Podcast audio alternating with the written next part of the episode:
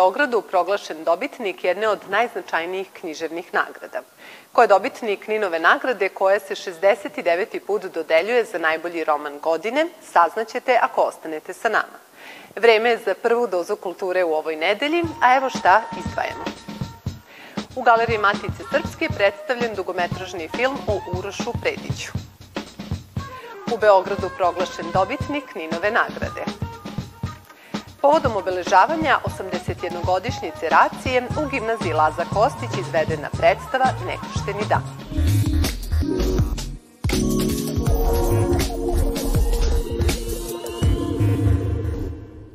Dugometražni film o životu našeg čuvenog slikara Uroša Predića premijerno je prikazan danas u Galeriji Matice Srpske. Ostvarenjem Uroš Predić, život posvećen lepoti i umetnosti, za koje režiju potpisuje Blažo Popović, nastalo je kao deo izložbe koja je prošle godine otvorena u toj instituciji. O filmu razgovaram sa Danilom Vuksanovićem, pomoćnikom upravnika Galeriji Matice Srpske. Dobrodošli u našu arteriju. Hvala najlepše. Koji deo života Uroša Predića obuhvata ovaj film i da li je fokus na njegovom umetničkom stvaralaštvu ili na njegovom životu van njega? Dokumentarni film autora Blaža Popovića zapravo je drugi u nizu koji smo zajedno sa njim e, proizveli i ono što je jako zanimljivo jeste da je prvi film koji se zove Nezavršeno stoleće zapravo bio jedna elegična pripovest koja je imala dramski karakter pošto u njemu glumi naš poznati glumac Radoje Čupić, dok je ovaj film e, pod nazivom istim kao i izložba zapravo predstavlja izložbu i u njemu su glavni sagovornici upravo autori izložbe dr. Snežana Mišić i dr. Igor Borozan, dok upravnica Tijena Palkovljević-Bugarski govori o tome koliko je značajna i zbog čega je značajna izložba Uroša Predića u okviru proslave jubileja 175 godina od Galerije Matice Srpske. Kako je izgledala i koliko je trajala sama priprema i do kakvih se otkrića došlo tokom stvaranja ovog ostvarenja? Zanimljivo je raditi na dokumentarnoj građi i na različitim stvarima, pogotovo kada se radi o umetniku koji je živeo čitav jedan vek. Nemoguće je naravno sve obuhvatiti i ono što je bilo zanimljivo i posebno izazovno svakako jeste taj sklad između mnoštva podataka i velikog broja radova i onoga što se tiče onoga što je vezano zapravo za život Uroša Predića. Sa druge strane, pored njegovog rodnog mesta Orlovata, e, Beča, gde je studirao i drugih mesta, posebno bih istakao gostovanje gospodina Neškovića u ovome filmu koji večeras publika može da vidi, koji je poznavao i koji je zapravo boravio atelje Uroša Predića i koji može iz prve ruke da ispriča kako je u to vreme to izgledalo. Da li publika kada ima uvid u život umetnika na bolji način percepira njegova dela? Meni je drago da ne najavim što će publika u vremenu pred nama, zahvaljujući vašoj uvaženoj televiziji, imati priliku da vidi tri filma koje smo uradili u okviru naše dve izložbe. To je Migracija i umetnost i umetnost migracija o slici Seoba Paja Jovanovića, naravno Nezavršeno stoleće prvi film o Urošu Prediću i ono što je večeras na programu u Galeriji Matice Srpske drugi film koji nosi naziv isti kao i izložba i nadam se da će i oni koji nisu stigli da pogledaju i izložbu i film uspeti to preko ovih ostvarenja. Hvala vam na razgovoru. Hvala vama.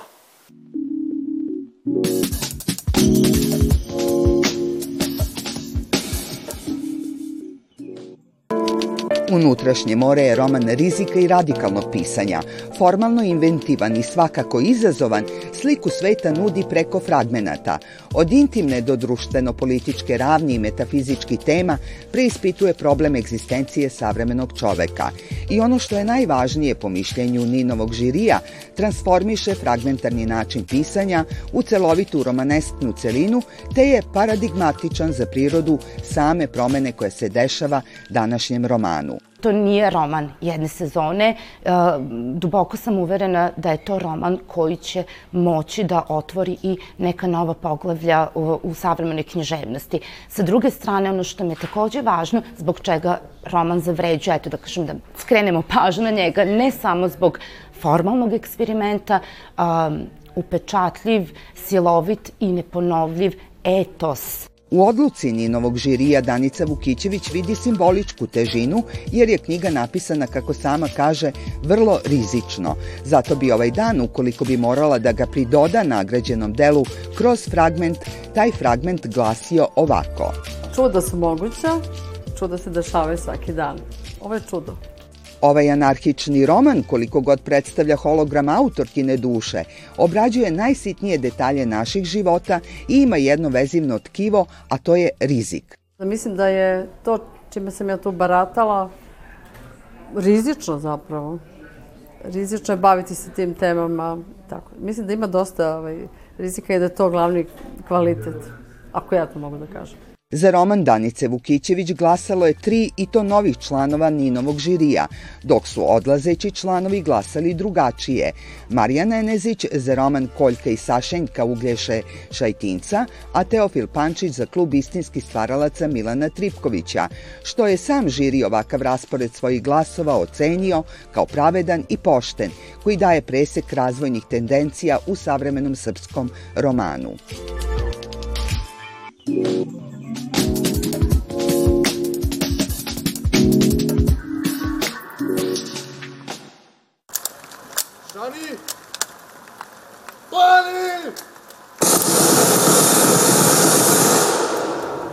Svake godine u periodu od 21. do 23. januara na teritoriji Novog Sada i okoline obeležava se godišnjica ratnih zločina i masakra odigranih tokom drugog svetskog rata.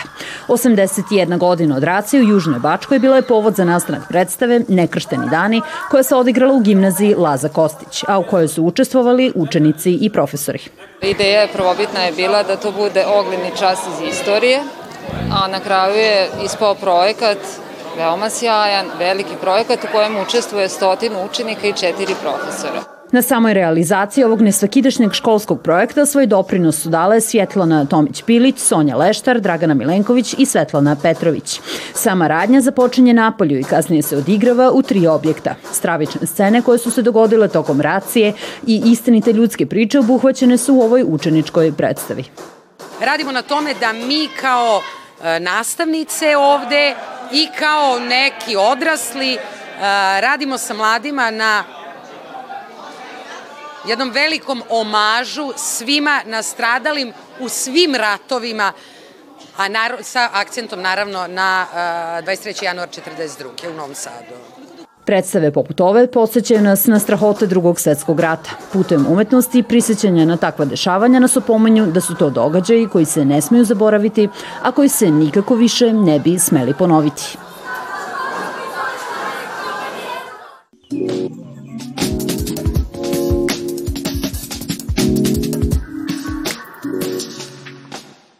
Prostorijama baze kulturne izbivanja u Beogradu otvorena je izložba fotografije pod nazivom Unity in Diversity koja predstavlja produkt saradnje tri umetnice. Izložba Unity in Diversity je jedinstveni projekat dva fotografa, Bebe Ilić i Ane Todorović, koje zajedno sa Iskrom Drašković u ulozi modela istražuju značenje bliskosti. Ja sa Anom Todorović sarađujem već godinama kroz neko prijateljstvo naše na privatnom nivou smo došli na ovakvu ideju da probamo da prikažemo ženu na jedan sasvim drugačiji način, da pokažemo njenu ženstvenost, da pokažemo onu lepu stranu i intimnu stranu žene. Ana Todorović bavi se budoar fotografijom, kombinujući lepu umetnost, glamur i portret fotografiju, a na taj način prikazujući intimnu stranu običnih ljudi. Da mislim da svako treba osjeti slobodu u svom telu i da voli svoje telo, kako god da je, samo da bude slobodan. Živale smo, igrale smo se sa svetlom, onda smo poželjeli da se igramo sa medom, sa čokoladom, sa nekim UV bojama, tako da smo uživale u procesu, stvarale, istraživale, rasle. Serija portreta zabeleženih kroz objektiv Bebe Ilić prikazuju duplu ekspoziciju ruku koje prekrivaju lice kao simbol povezanosti koja prevazilazi razlike. Portreti su premijerno izloženi pre pet godina i proputovali su celu Nemačku, a po prvi put prikazani su beogradskoj publici. Moj fotoprojekat se zove hashtag Pogledajte i taj projekat već postoji duge godine. Ja sam počela u Nemačku i meni bila želja taj projekat da usvorim ovde isto u Beogradu. To je fotoprojekat za humanost e, i solidarnost, za moral. Različitih izraza, ali i jedinstvenih ideja, Ana Todorović, Beba Ilić i Iskra Drašković u svojoj želji za unifikacijom i solidarnošću pokušavaju da otkriju šta zapravo leži iza nečije persone.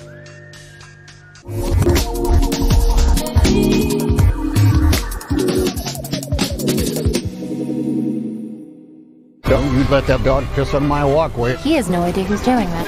Well, it was one of you. Čovek zvan Oto, film dvostrukog Oskarovca Tom Hanksa koji stiže u domaće bioskope zapravo je remake filmske ekranizacije bestsellera švedskog autora Frederika Bachmana iz 2015. godine. Pod originalnim nazivom Čovek zvan Ove bio je to strani film sa najvećom zaradom 2016. godine i nosilac dve nominacije za Oscara. Odluka reditelja Marka Forestera da naslovnu ulogu čangrizavog čudaka Ota dodeli Tomu Hanksu zasnovana je na renomeu i imidžu koji ovaj glumac tokom svoje 45 godina duge karijere ostvario, naročito ulogama u Forrest Gumpu, Filadelfiji i Brodolomu života. Priča o postarijem udovcu negde na srednjem zapadu Amerike koji živi u predgrađu sterilno čistih ulica identičnih kuća bila je kao stvorena za vrstu humora kojom Hanks boji svoje društveno nesnađene, neadaptirane likove. Film počinje kao i švedski original otovim neuspelim pokušajem samoubistva. Njegovu rigidnu sivu rutinu će naopačke okrenuti temperamentna mlada porodica koja se doseljava u komšiluk. Kao neko ko budno pazi na red i disciplinu u svom susedstvu, Oto će doživeti sudar sa spontanom energijom Marisol i Tomija i njihove dve odvažne devojčice. Vremenom oni će otopiti njegovu nepristupačnost i razotkriti da je Oto u mladosti bio pristupačni te da ga je skora smrt njegove supruge Sonje vratila u izolaciju i depresiju.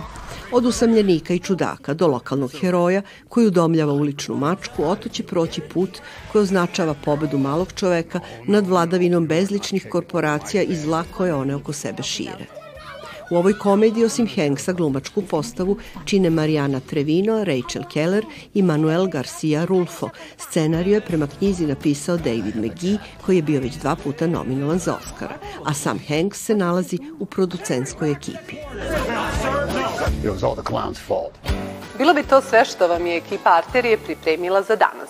A novi susret očekujte već sutra u isto vreme i na isto mesto. Prijetno!